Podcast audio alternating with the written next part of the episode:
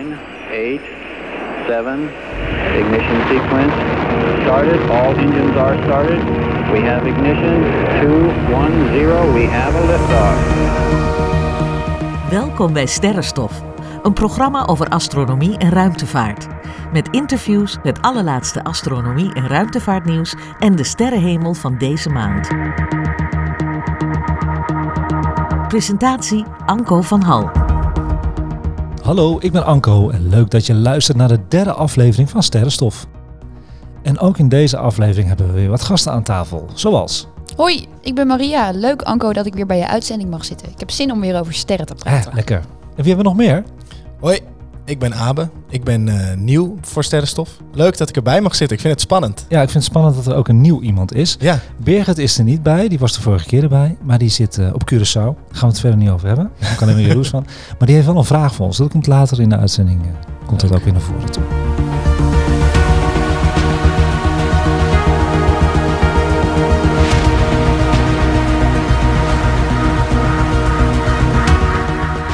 Maar waar gaan we het over hebben? En dat is wel heel spannend. Vandaag ga ik het hebben, en wij allemaal, over een onderwerp dat mensen enorm tot de verbeelding spreekt. En wel buitenaards leven. Buiten naar het leven.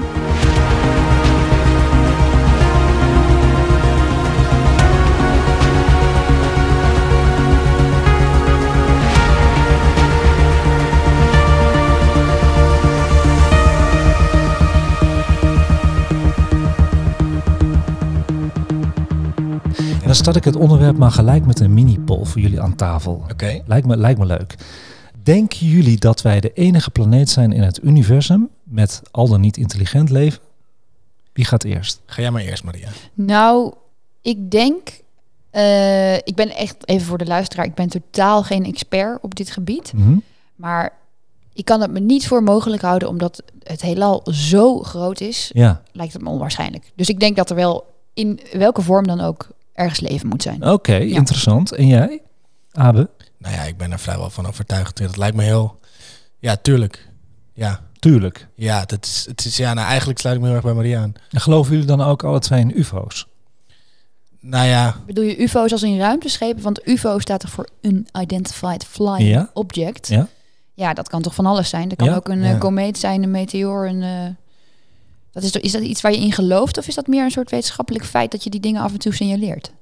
Nou, dat zijn dingen die je din- niet kan verklaren, inderdaad, ufo's. Daar heb je helemaal gelijk in. Maar denk je dan ook dat er wezens al op aarde zijn geweest met ruimteschepen? Nou, dat- Ja. ja, denk je? tuurlijk.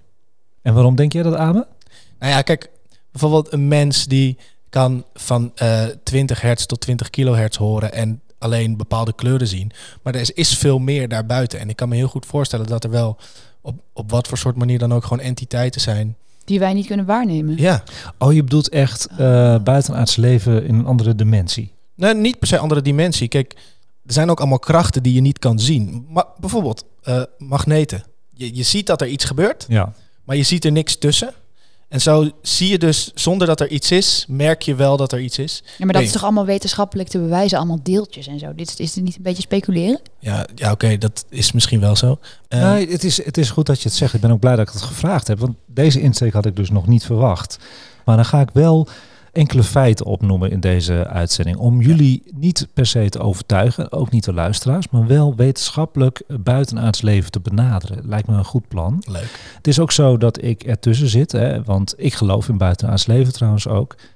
Ehm, maar ik ben ook een amateur astronoom en dat is een wetenschappelijk eh, beroep.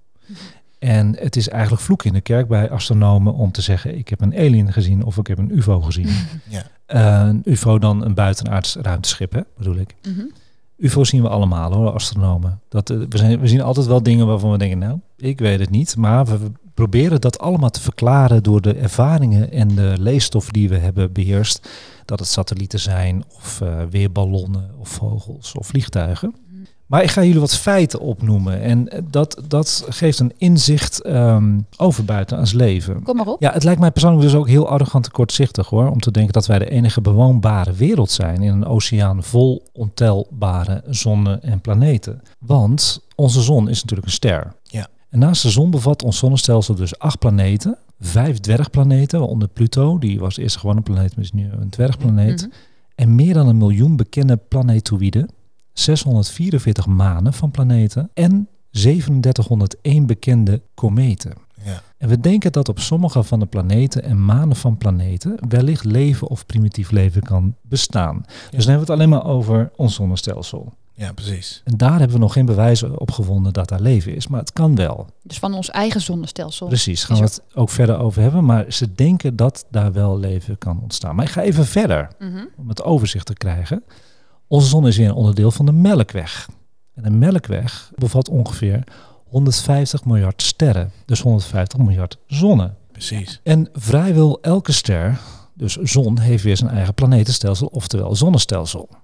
Het heelal zelf telt op zijn beurt weer, we gaan weer een stapje groter, minstens 2 biljoen sterrenstelsels. Ja, dan kun je niet eens visualiseren Nee. hoeveel dat er wel Nee, niet zijn. dat Exactly. Dus ga maar na hoeveel zonnen zijn dat met planeten. Ja, precies. Ontelbaar. Dus dat, dat hebben we al hè, in ons hoofd wetenschappelijk. Ja. Nou, dan gaan we weer even terug naar ons sterrenstelsel, de Melkweg, met zo'n 10 miljard sterren die op onze eigen zon lijken. Dus 10 miljard ervan zijn precies als de zon. Dus net zo oud, net zo geel, dezelfde temperatuur, alles op en aan. Dat betekent dat er sowieso, luister goed, 6 miljard misschien bewoonbare aardachtige planeten in ons sterrenstelsel zelf te vinden zijn. Dus in onze eigen melkweg 6 miljard bewoonbare aardachtige planeten. Mindblowing?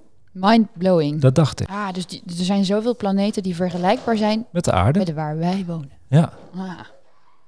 Dus dat is het overzicht van hoeveel er al mogelijk is in onze Ja. melkweg. Nou, er zijn ontelbare melkwegstelsels. Maar Dus nou, statistisch gezien moet het dan... eh, dan is het dat niet is een gegeven, eh, ja. Exactly. Nou, is er nou buitenaards leven binnen ons zonnestelsel? Wat denken jullie? Ja.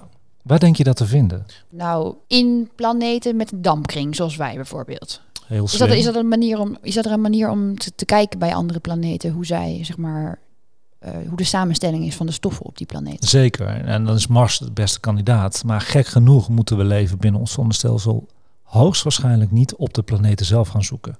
Oh, Hè, Mars is dus de beste, eh fossiel of niet, door de aanwezigheid van ijs en vroeger stromend water. En daar houdt het eigenlijk wel bij op. In Ve- ons zonnestelsel. Ja, Venus is te heet. Ja. Dus er zou wel leven kunnen zijn, maar iets heel anders dan dat we denken. Dus niet het leven als op aarde. niet in onze vorm, nee. Nee. Oké.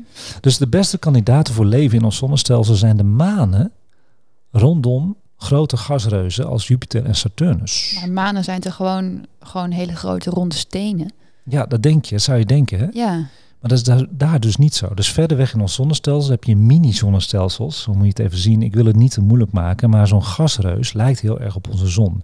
Behalve dan dat het niet een bol is vol hitte, Ja, maar wel dezelfde zwaartekrachten, zodat er heel veel maantjes omheen kunnen. maar dus die draaien ook weer om onze zon heen. het draait ook weer om onze We zon. draaien heen. gasbolletjes om onze zon heen Bollen, hè? Grote bollen. met Ja. maantjes. Ja. Oh, dat wist ik helemaal niet. Ja, Nee. mooi hè? Ja. Maar als we het over hebben over buitenaards leven, in dit geval, op nu, dan hebben we dus over organisch leven. Organisch leven zoeken we alleen maar, omdat we eigenlijk niks anders kennen nog.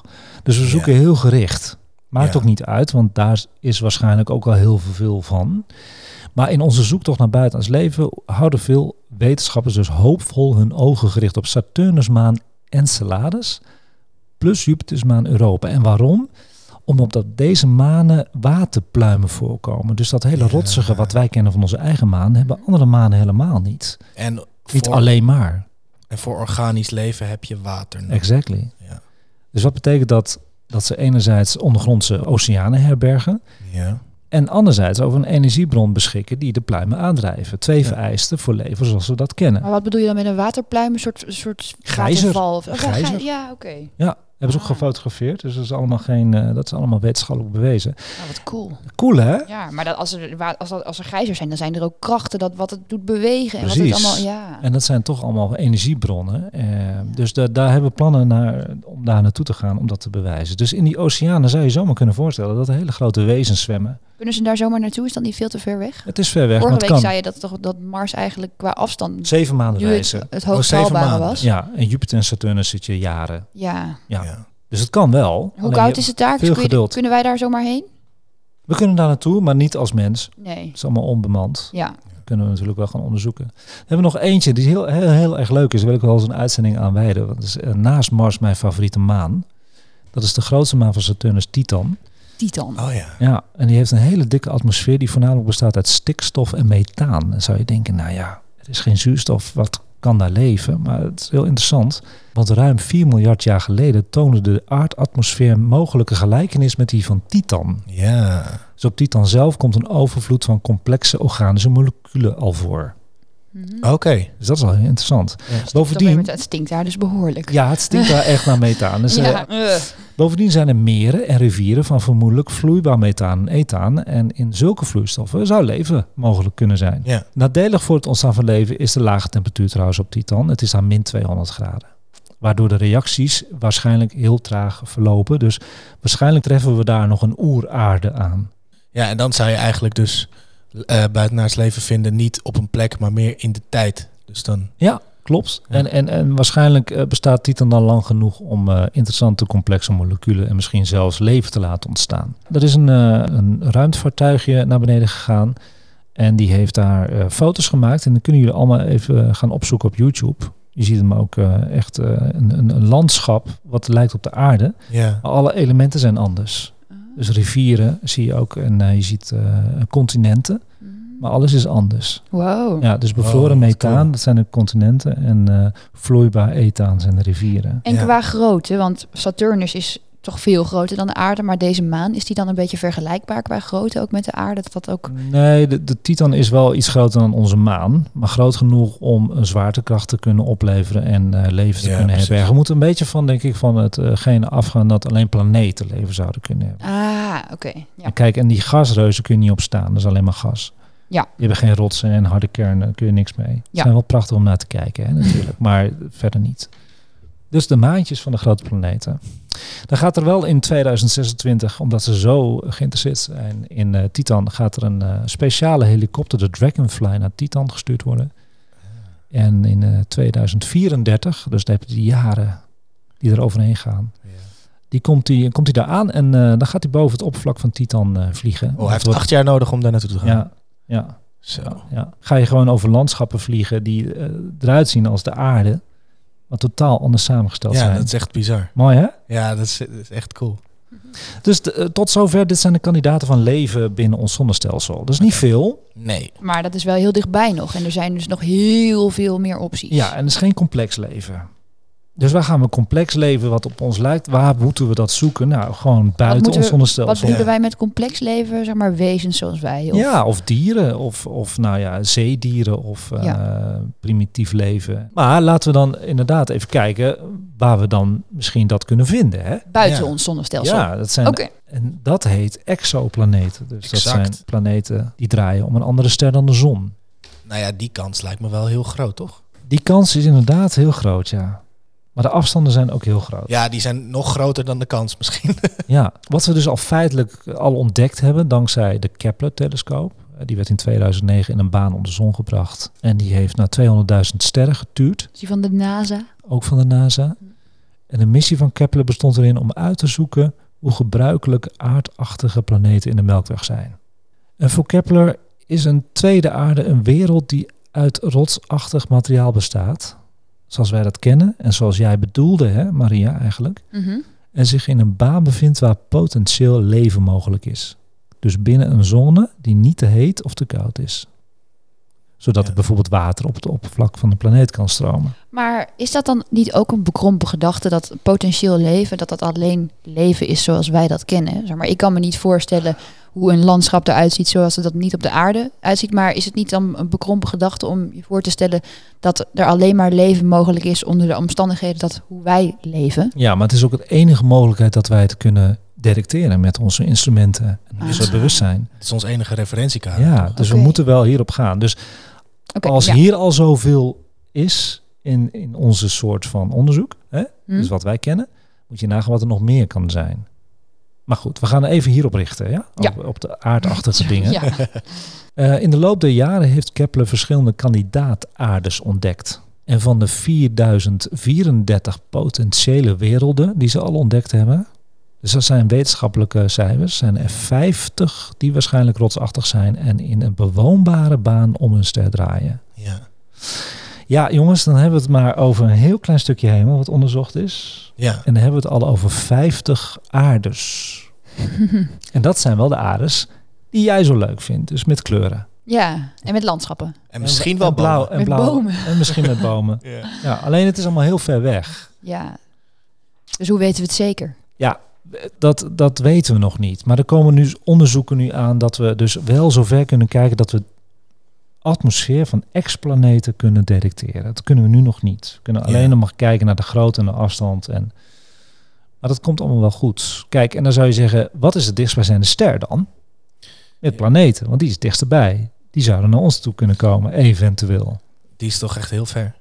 Ja, die is, het is heel ver. Als je nou eh, zo snel zou kunnen vliegen als het licht, Bedoel Wat? je nou, wat is de dichtstbijzijnde ster Ja. die op, ons aar, of op onze zon lijkt?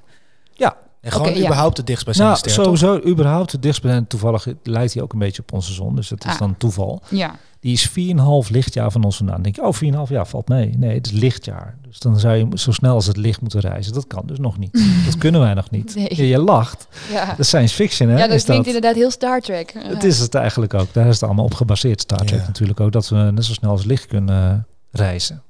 Eh, die ster heette Proxima Centauri. In 2016 is Proxima Centauri B ontdekt. Een aardse planeet in een bewoonbare zone van het dichtstbijzijnde ster. Dat, dat is al heel wat. Ja. Dus wij vinden dat heel spannend. En hoe goed kunnen we naar die planeet kijken? Niet goed. Oké. Nee, we kunnen eigenlijk die planeet alleen maar detecteren als hij voor de zon of voor die ster gaat. Ja, ja. Dan pas zien we dat het een planeet is. Maar omdat die ster eigenlijk hem, hem overstraalt, kunnen wij het nog niet met telescopen onderscheiden. We kunnen het alleen zien als hij ervoor zit. Ja. Als een soort van eclipse. Ja. Dan zien we een beetje de, het licht heel minuscuul doven van die ster. En dan weten we dat er een planeet voor gaat. Maar we zien het nog steeds niet optisch. Wat ontzettend knap dat we dan kunnen zien dat Ja. daar misschien wel bomen zijn. Als het maar een heel klein... Dat, klein dat is mijn grote fantasie. Ja. De bomen. Maar goed, we gaan weer een stap verder. Ja, let's go. Er zijn sterren die ouder zijn dan onze ster. Hm. Ja. Dus de planeten die er omheen zijn, zijn ook ouder dan onze planeten. Ja. Misschien is daar leven eerder ontstaan. Hm. En zijn ze verder dan wij? En kunnen ze wel met het licht snelheid reizen. Allemaal niet ondenkbaar. Hè? Dit is geen ja, dit is science fiction voor ons nog, omdat we het nog niet hebben bewezen. Maar wetenschappelijk gezien heel normaal feit. Ja. Dus mijn vraag, die voor jullie nu al een grote stap te ver was misschien, maar ik zeg hem nog een keer. Stel je nou voor dat andere beschavingen ons al ontdekt hebben.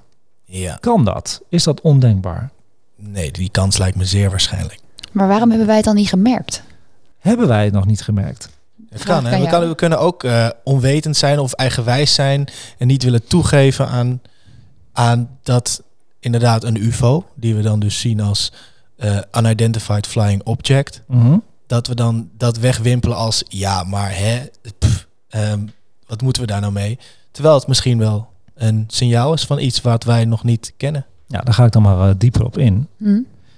Want er is heel veel over te vertellen. En vooral dit Ja. jaar. Eh, kijk, de meeste UFO's worden gezien, 90% ervan, soms 95%.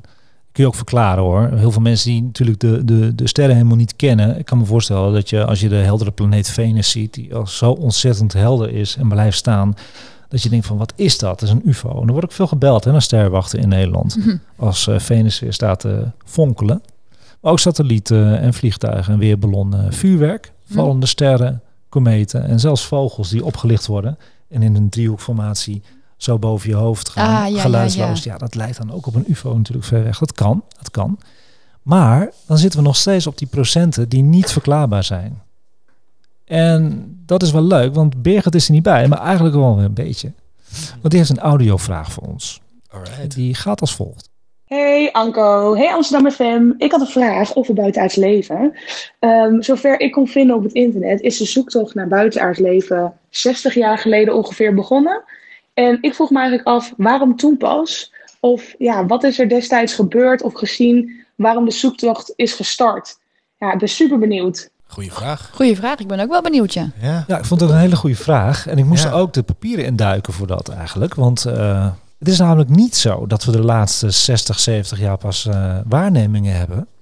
Maar het begon eigenlijk al ehm, heel vroeger rond de Bijbeltijd. Alleen kunnen wij heel moeilijk bewijzen dat het UFO's zijn. En in 1255 zagen de Japanse generaal Yoritsumi en zijn lege bollen van licht dansen boven Kyoto. Nou, dat klinkt allemaal heel raar, maar als we dat nu bijvoorbeeld in deze tijd plaatsen, zeggen wij van dat zijn UFO's.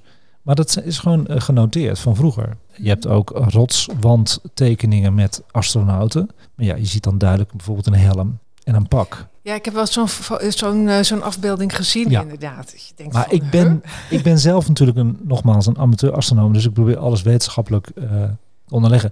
Maar dan nog kom ik op schokkende feiten. Dus het is natuurlijk heel spannend en ook leuk voor, voor deze uitzending. En waar Birgit het over heeft, is dat inderdaad rond de jaren 40 echt de, de metalen en vliegende schotel UFO-waarnemingen voorkwamen. Bijvoorbeeld eh, die van eh, New Mexico op 8 juli 47 eh, nabij Roswell. En die vliegende schotel zou zelfs dan neergestort zijn met een ruimtewezen erin. Nou, dat, dat, speel, dat, dat zijn dingen die ik als amateur astronoom altijd lacherig heb weggewuifd. Mhm. Ja. Maar ik vind dat ook wel, daar heb ik wel een vraag over. En misschien is dat een kritische noot. Maar vind Ja. je dit ook niet verdacht dat al die waarnemingen altijd in Amerika zijn? Dat zijn ze niet over de hele wereld. Je Ja, kan had het gewoon net opzoeken. ook over Japan, over Kyoto. Ja. Maar kan dat niet gewoon een meteorietenregen geweest Dat bedoel zijn? ik, dat is het moeilijke. Dat, dat, dat, Ja. Kijk, een, de laatste tijd, en dat is ook weer een klein antwoord op Birgit, kunnen we dus eh, vanaf de jaren 40 foto's maken. Ja. Alleen er gebeurt wat interessants. En we hebben nu echt, eh, iedereen heeft een telefoon met een fotostel. Alles wordt gedocumenteerd op dit moment. Ja. En veel meer dan vroeger. Dus ga je YouTube afstruinen, dan kom je in een fuik terecht. Alleen maar UFO-waarnemingen. Daar moet je voor oppassen. Dat moet je weer gaan filteren. En dan heb ik eh, een hele leuke, mooie, interessante conclusie. Het Pentagon heeft hetzelfde gedaan. En de filter is dat ze bestaan. En dat is dit jaar eindelijk naar buiten gekomen. Dat is wel heel spannend, voor mij ook. En voor heel veel eh, astronomen en wetenschappers. Want ik ben alle uitzendingen gaan kijken die op mainstream zijn uitgezonden in Amerika, maar ook in Nederland en ook in Europa. En daar wordt gewoon in gezegd van ze bestaan, de UFO's. En dan heb ik het nog steeds over de UFO's, maar dat is een heel wat. Dat heeft de Pentagon nog nooit bevestigd. Kijk, Ja. het ministerie van Defensie eh, heeft dus voor het eerst recentelijk drie filmpjes vrijgegeven. En die piloten van de marine hebben dat gemaakt van UFO's.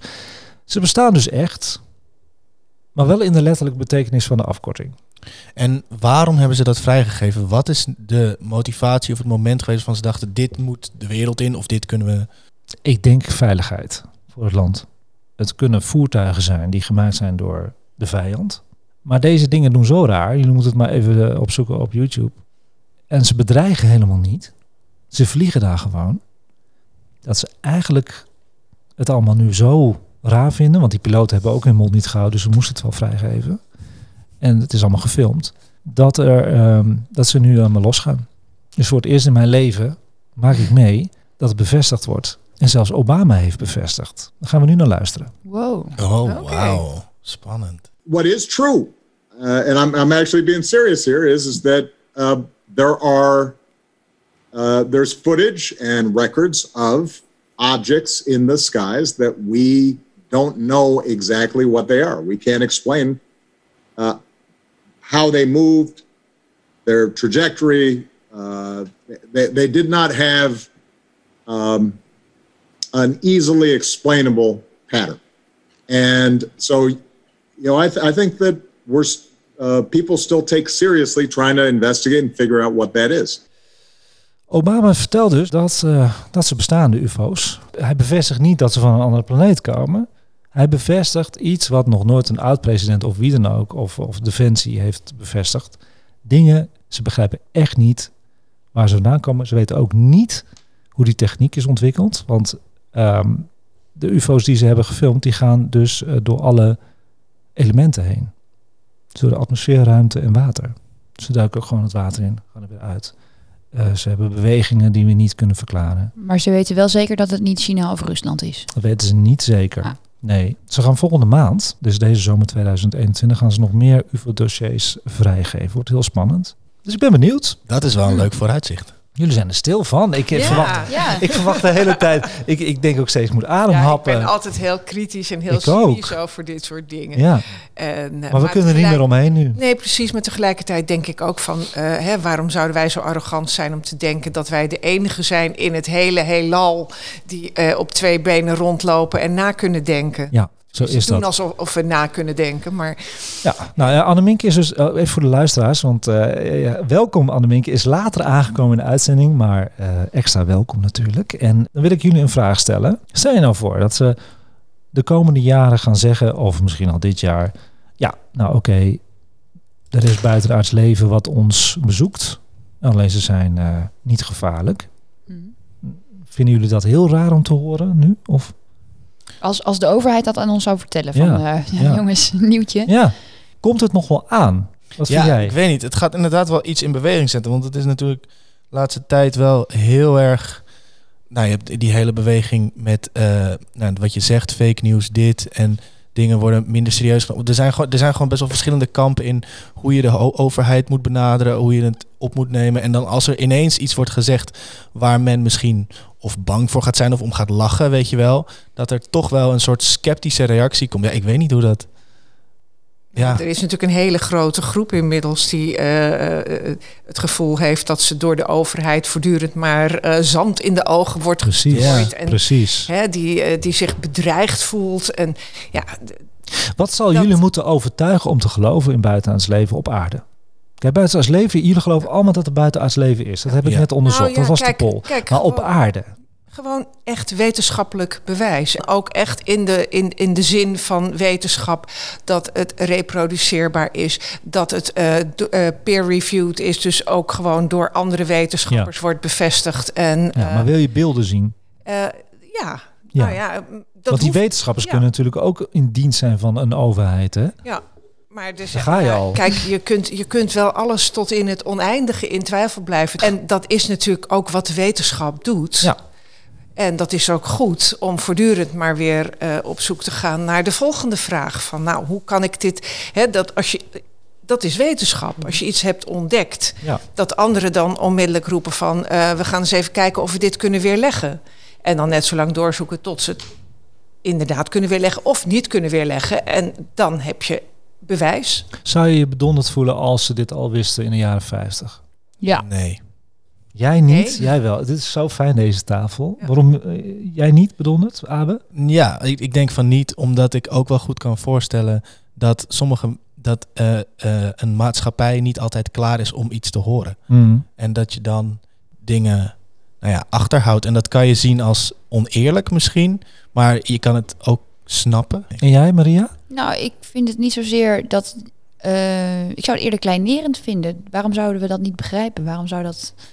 Waarom mogen we dat niet weten? Waarom, maar oké, dan alsnog zou ik het me niet kunnen voorstellen dat ze het dan zo lang geheim hebben gehouden. Want er werken toch altijd bij zo'n organisatie mensen die hun mond niet kunnen Ik houden. denk dat het toch... eh, kijk, we hebben nu die corona... Dat, dat is de, de crux van Ja. alle samenzweringstheorieën.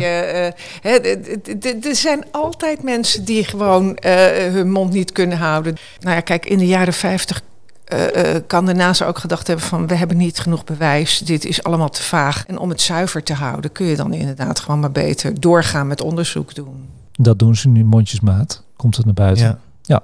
Nou, spannend. En dan is het nu tijd voor ander astronomie en ruimtevaartnieuws in het kort. Ja, dat is er dus ook. En het leuke is, toen ik met deze uitzending begon, kreeg ik input. Een input van Abe die nog nooit in de uitzending heeft gezeten, maar die gelijk zijn huiswerk ging doen. Ja, Nou, vertel me. ja.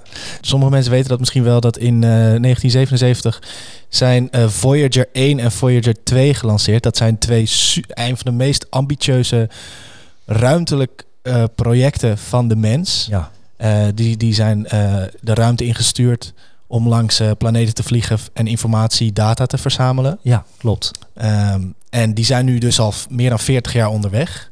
Super cool. En het, ze versturen nog steeds data naar aarde. Alleen duurt het wel een paar dagen voordat die data aarde bereikt, volgens mij. Ja, klopt. En, maar ze hebben er wel iets opgeplakt wat toch wel leuk is om over na te denken. Want ze hebben er wel rekening mee gehouden dat in de verre toekomst, als, het, als die objecten eh, ver buiten onze melkweg is gevlogen of weet ik veel wat, dat het eventueel ander leven kan bereiken.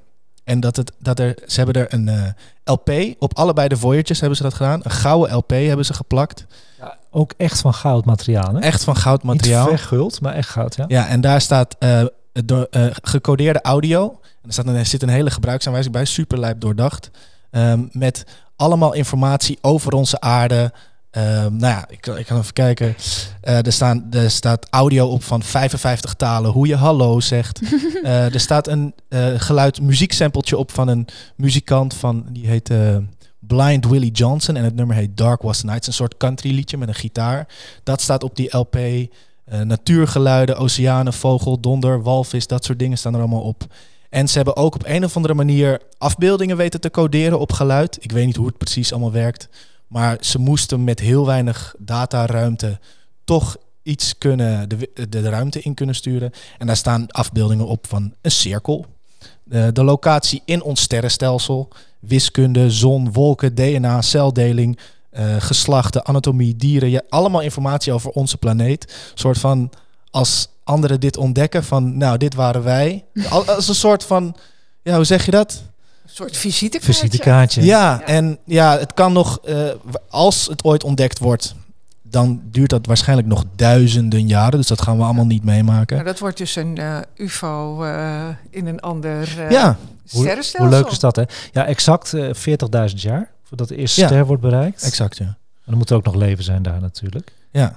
Maar het is dus wel heel leuk dat ze op zo'n wetenschappelijke ontdekkings schip. Ik weet ook niet wat voor woord ik voor moet bedenken. Maar dat ze daardoor daarop dus iets hebben, een, een bericht hebben geplaatst voor buitenaards leven. En dat vind ik wel bijzonder. Op allebei Echt ook. heel leuk. Alle en nou twee. hopen dat ze een pick-up hebben. Ja, dat ze Ja. het kunnen afspelen. Nou ja, we- laten wij dan een stukje afspelen, want ik heb wat talen. Waaronder de Nederlandse taal staat er ook bij. Oké. Van Luister. de grammofoon plaatsen. Ga, van- ga ik Oh, nu leuk. eventjes eh, afspelen voor jullie. Bonam erga vos voluntatem habemus, et pacem per astra ferimus. Shalom. Herzliche Grüße an alle. Hello from the children of planet Earth. Hartelijke groeten aan iedereen. Nou, dat was Nederlands op een hele beleefde manier. Je had eh, het zelf kunnen inspreken, Anneminke. ik spreek alleen maar heel beleefd. Ja. Toen spraken mensen ook nog veel netter en zorgvuldiger. Ja, dat hoor je ook, ja. Maar die Amerikanen dan ook weer over kinderen van de, de planeet aarde. Dat is weer Ja. echt Amerikaans hoor. Heel Ja. Amerikaans, ja. Maar goed, we hebben ander nieuws en nog een input van iemand hier aan tafel. Ja, Marsnieuws. En eigenlijk is het meer een vraag. Want ik las van de week in het parool dat er, er een Chinese verkenner nu op Mars is geland. Dus een ander eh, Marswagentje. Want ik vraag me wel af hoe, eh, zeg maar, hoe zit het met de samenwerking van de NASA in China, in Rusland en bijvoorbeeld SpaceX? Gaan ze zeg maar, dingen samen ontdekken? Werken ze een beetje samen om ja, dit klusje te klaren? Of hoe zit dat allemaal? Nee, ze, ze werken niet samen. Alleen SpaceX werkt met NASA samen. Hmm. En eh, China doet zijn eigen ding. Hmm. India ook. En eh, India heeft iets naar Mars, eh, naar de maan gestuurd. Maar ja, dat kan nog wat worden dan. Nou, ja, dat, dat is het begin van, van het eisen van eh, andere grond buiten onze aarde. Mm. Ja. Dus het wordt echt wel een... eh, zoals we vroeger natuurlijk in de jaren 60 de maanwedloop had. Wie het eerst op de maan kwam. Dat was Mhm. wel eens een klein oorlogje natuurlijk. Eh, begint dat nu met Mars. Want Mars is natuurlijk een stuk aantrekkelijker dan de maan om naartoe te gaan. Maar we leven nu niet meer in een oorlog. Toen was het echt koude oorlog. Nou, ik denk dat het wel terugkomt hoor. We, we hebben genoeg oorlogen die kunnen ontstaan. Ik bedoel het niet heel eh, deprimerend en eh, negatief, maar dit is wel de nieuwe oorlogen die kunnen komen. Daar heb ik natuurlijk de aflevering 2 ook over gehad. Ik denk dat dit wel het begin is van het eisen van grond op eh, buiten de aarde. Wauw. Ja. Maar ja, het is nog steeds een hele prestatie van China en we volgen het. Eh, ik vind die van NASA iets beter qua beeld en qua ontdekkingen nog tot nu toe. Maar ze zijn net geland. Hè. Op 15 mei zijn ze geland.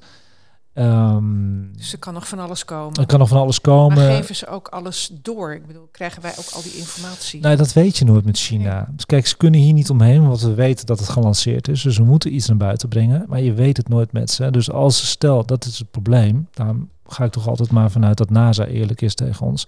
Als ze daar wat vinden wat eh, belangrijk is, ja, je weet het niet of ze het bij zich houden. Maar goed, we volgen het allemaal op, op de voet. En ik vind het ook heel erg leuk, want het, rijdt en, en staat genoeg nu op Mars. Ik ben benieuwd eh, wat deze gaat dus- doen. Het is dus naast dat het eh, een, een stap voor de mensheid is om Mar- Mars te bereiken, eh, is het eigenlijk ook een soort red race geworden. Nu wel, ja, je merkt het ook wel. Kijk, ehm, vorig jaar stond Mars heel dicht bij de aarde. Vandaar dat alles ge- gelanceerd is naar Mars. Dus de tijd om daar naartoe te gaan duurde wat korter. Mm. Dus daarom landen ze nu allemaal tegelijk op Mars in principe. Maar ook allemaal op dezelfde plek of Nee. in dezelfde omgeving? Nee, kijk, wat NASA heeft gedaan, omdat ze zoveel ervaring hebben met Marslandingen, is het best wel in een moeilijke plek, tenminste voor hun of voor ons nog. En dat was de krater. Eh, deze is gewoon eh, gedaald eh, op een plek waar ook in 1976 eh, de, de Viking-landers zijn geland van de NASA. Dat zijn de, de iets makkelijker landingsplaatsen en die heten de Utopia Planitia. Dus toch nog wel enige geruststelling als ze ergens komen en ze denken, eh, we houden de informatie voor onszelf. NASA is er waarschijnlijk al geweest.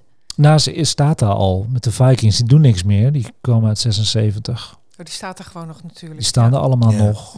Maar dan moet ik wel zeggen, als er iets wordt gezet op de maan, die blijven altijd goed. Hè? Dus zelfs de voetstappen blijven bestaan. Dat Ja, er geen precies. atmosfeer is. Maar op Mars heb je toch de winden en de, de, de ozonlaag die daar ontbreekt. Dus daar zie je wel dingen verroesten en, en eh, kapot gaan en ontleden. Mm. Ja. En door de kou. Oké, is het tijd voor de sterrenhemel van de maand juni? De sterrenhemel van de maand juni. En dan komt er altijd dat hele mooie meditatiemuziekje achter. Maar ik laat hem gewoon staan, want iedereen wordt er heel rustig van, blijkbaar heb ik gehoord. Leuk. Ja, we zijn wel benieuwd wat er allemaal te zien is vanuit eh, de tuin of vanaf je balkon in de sterrenhemel. Ja, pak je agenda er maar bij en luister en schrijf mee wat er allemaal te zien is in deze mooie sterrenhemel van juni 2021. En ik had vorige maand nog vijf planeten die zichtbaar waren voor ons. En er zijn er nu vier, helaas. Mm. Het kleine planeetje in deze maand die niet zichtbaar is, is Mercurius. Omdat hij te dicht bij de zon staat, komt hij zo weer terug de maand erna. Venus die wordt steeds eh, zichtbaarder en steeds hoger en staat in de avondschemering aan de noordwestelijke horizon. En is dus eh, de avondster, Anneminke. Daar hebben we het mooi over gehad en je weet nu wat het is hè? Ja. Op 12 juni, is wel even op te schrijven, staat hij heel mooi rechts onder de maansikkel. Dat zijn altijd voor mij hele leuke fotografiemomenten. Mars, de rode planeet, wordt steeds moeilijker zichtbaar. Dat is mijn favoriete planeetje, zoals iedereen weet. Deze maand is hij nog te zien in het noordwesten. En aan het eind van de maand gaat Mars al voor middernacht onder. Jupiter, de grote gasplaneet waar we het over gehad hebben, komt eind van de maand al rond middernacht op. Maar eind van de maand staat hij dus in de nacht- en avondschemering staat de maan ook bij Jupiter en dan op 29 juni. Dan hebben we de andere gasplaneet die we ook kunnen bekijken met het blote oog en met verrekijker. En dat is Saturnus. En is een groot deel van de nacht zichtbaar. En op 27 juni staat de maan heel dicht bij Saturnus. Dan ga ik kijken. Zijn er nog meer data waar we rekening mee moeten houden? Ja, misschien wel leuk op 10 juni. eh, dan is er in het noordwestelijke gedeelte van Europa, dus ook bij ons, een gedeeltelijke zonsverduistering zichtbaar. Stel je daar niet te veel bij voor. eh, maar een, een totale zonsverduistering is natuurlijk een happening, maar dit gebeurt bijna nooit in Nederland. En dan wordt het gewoon donker overdag en dan zie je de sterren. Dat is dus nu niet zo. Maar dit is ook al vrij zeldzaam hoor. Dus om kwart over elf 's ochtends schuift de maan voor de bovenste helft van de zon langs. Duurt ongeveer tot half twee. En tijdens het maximum van de verduistering is 29% van de middellijn van de zon door de maan bedekt. Het ziet er dus uit als een ronde hap uit de zon. 10 het- juni. Dat is dus 10 juni op donderdag. Aha. Ja, de laatste hele zonsverduistering, dat was in 99, denk ik. Klopt dat? Dat was in 2000? 99, ja. Dat was hij eigenlijk eh, in Luxemburg. Toen ben ik nog geweest. Toen was hij totaal. En in Nederland was het nog net niet totaal. Nou, dat scheelde weinig. Het scheelde weinig, maar het werd niet Maar echt jij donker. gaat ervoor naar Luxemburg. Ja, why not? Dat is met de auto. ja, ik ben, ik ben er geweest. Het was wel bewolkt, maar het werd wel donker. Ik ben trouwens wel naar een totale zonsverduistering geweest in Amerika, in Oregon. En dat was geweldig. Dat was in 2017. Wat ik wel even wil zeggen, de zonsverduistering die we dan zien, die gedeeltelijke, is wel totaal in een ander deel van eh, de wereld. Hè, in Noord-Canada, Groenland en Rusland. Alleen dan is het een ringvormige zonsverduistering. Dus er blijft een heldere ring over, omdat de maan wat verder van de aarde staat op deze datum. En daarom kan de maan niet helemaal de zon bedekken. Oké, dan is hij te klein. Is die te klein. Dus dan zie je wel een hele mooie ring. Dat is natuurlijk ook Dat wel heel ook vet. bijzonder. Ja, dat is heel vet. Even waarschuwingen voor die gedeeltelijke zonsverduistering. Want ga alsjeblieft echt waar, je maakt je ogen kapot. Niet met je blote oog kijken. Ook niet met eh, negatieve. Dat doen mensen wel eens. Hè. Pak ze een negatieve van vroeger van foto's. Weet je. Dan gaan ze daar doorheen kijken. Of een zonnebril. Ook niet doen.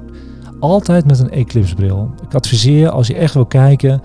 Bestel er gewoon eentje voor 3,95 online bij, eh, eclipsebrillen.nl. Ja, ik had er toen ook eentje in 99. Ja, gewoon doen. Maar die laatste, dat was, uh, daar kan ik me de foto nog van herinneren van Trump. Die had echt zo van, echte mannen hebben geen eclipsebril nodig. Oh, dus die stond gewoon met de blote oog naar te kijken.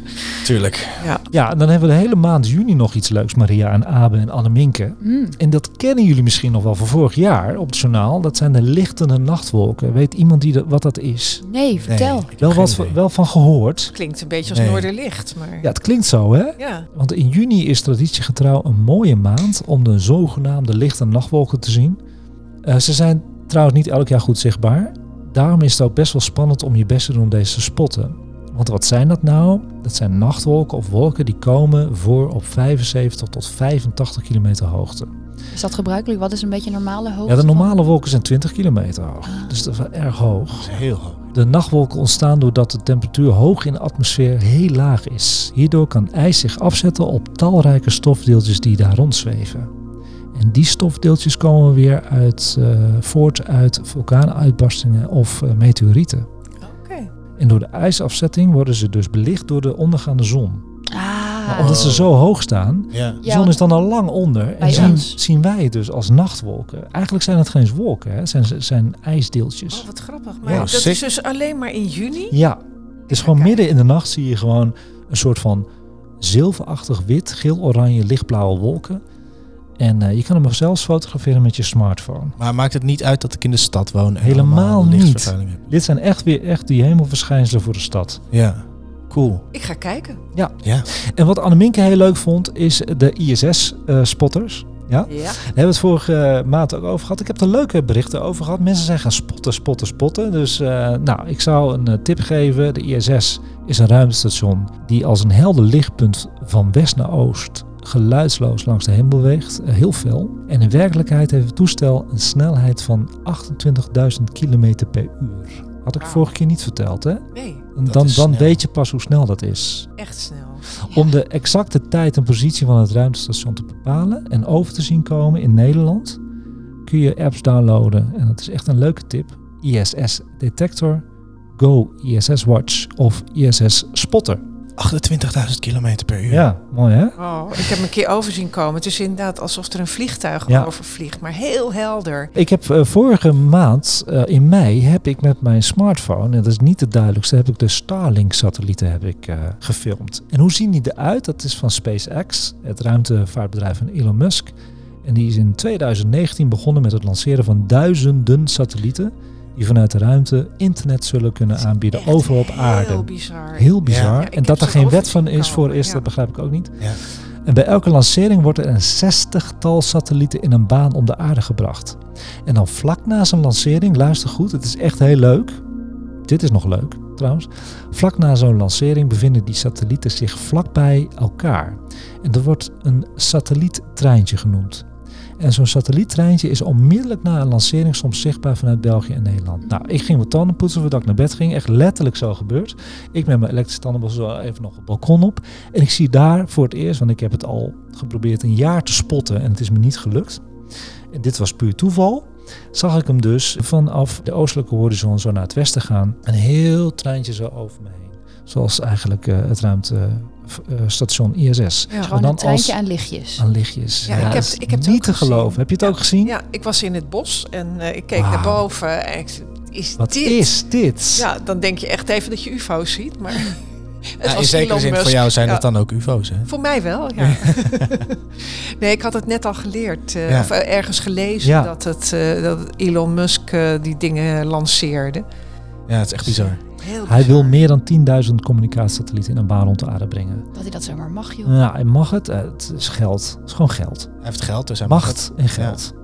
Ik vind het echt bizar. Nou, het is helemaal die, niet... Die, die, hemel die vervuilt Ja, maar het is ook helemaal niet leuk voor astronomen. Want ik maak ook astrofotografie. En op elke foto, en zeker als je meteoren wil uh, fotograferen, moet je dat lang, lang belichten. Wil je er eentje op je fotostel krijgen, dan zitten er altijd Starlink-satellieten in. Ja. Het is echt helemaal ja. niet leuk voor ons. En er komt dus een heel netwerk, eigenlijk een heel net met, met lichtjes om de aarde. Ja. ja. Is niet fijn, wel mooi om te zien. Laten we positief blijven. Het is leuk na de lancering om echt dat treintje te bekijken. En als je dat niet weet wanneer het is, is er maar één mogelijkheid. Dat is die app downloaden van SpaceX. Of met je tandenborstel naar buiten kijken. Ja, probeer dat ook even aan. het werkte bij mij. Ja, precies. Tot zover het nieuws van juni. Ja, dankjewel. Ja. Graag gedaan. En tot zover sterrenstof voor de maand juni vanuit het Felix Meritus in de Sterrenzaal in Amsterdam. Hartstikke leuk, Anko. Ik heb weer genoten van alles Ik vond wat je het een hele hebt. leuke uitzending. Graag gedaan. En ehm, als luisteraars nou iets willen weten, kunnen ze Ja? jou dan bereiken? Ja, graag. Eh, ze kunnen mij mailen op sterrenstofnieuws.gmail.com. Dus aan elkaar, sterrenstofnieuws.gmail.com.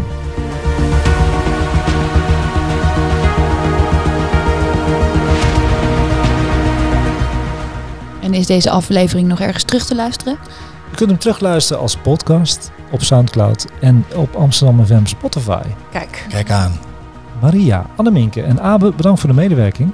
Tot de volgende keer en kijk eens wat vaker omhoog.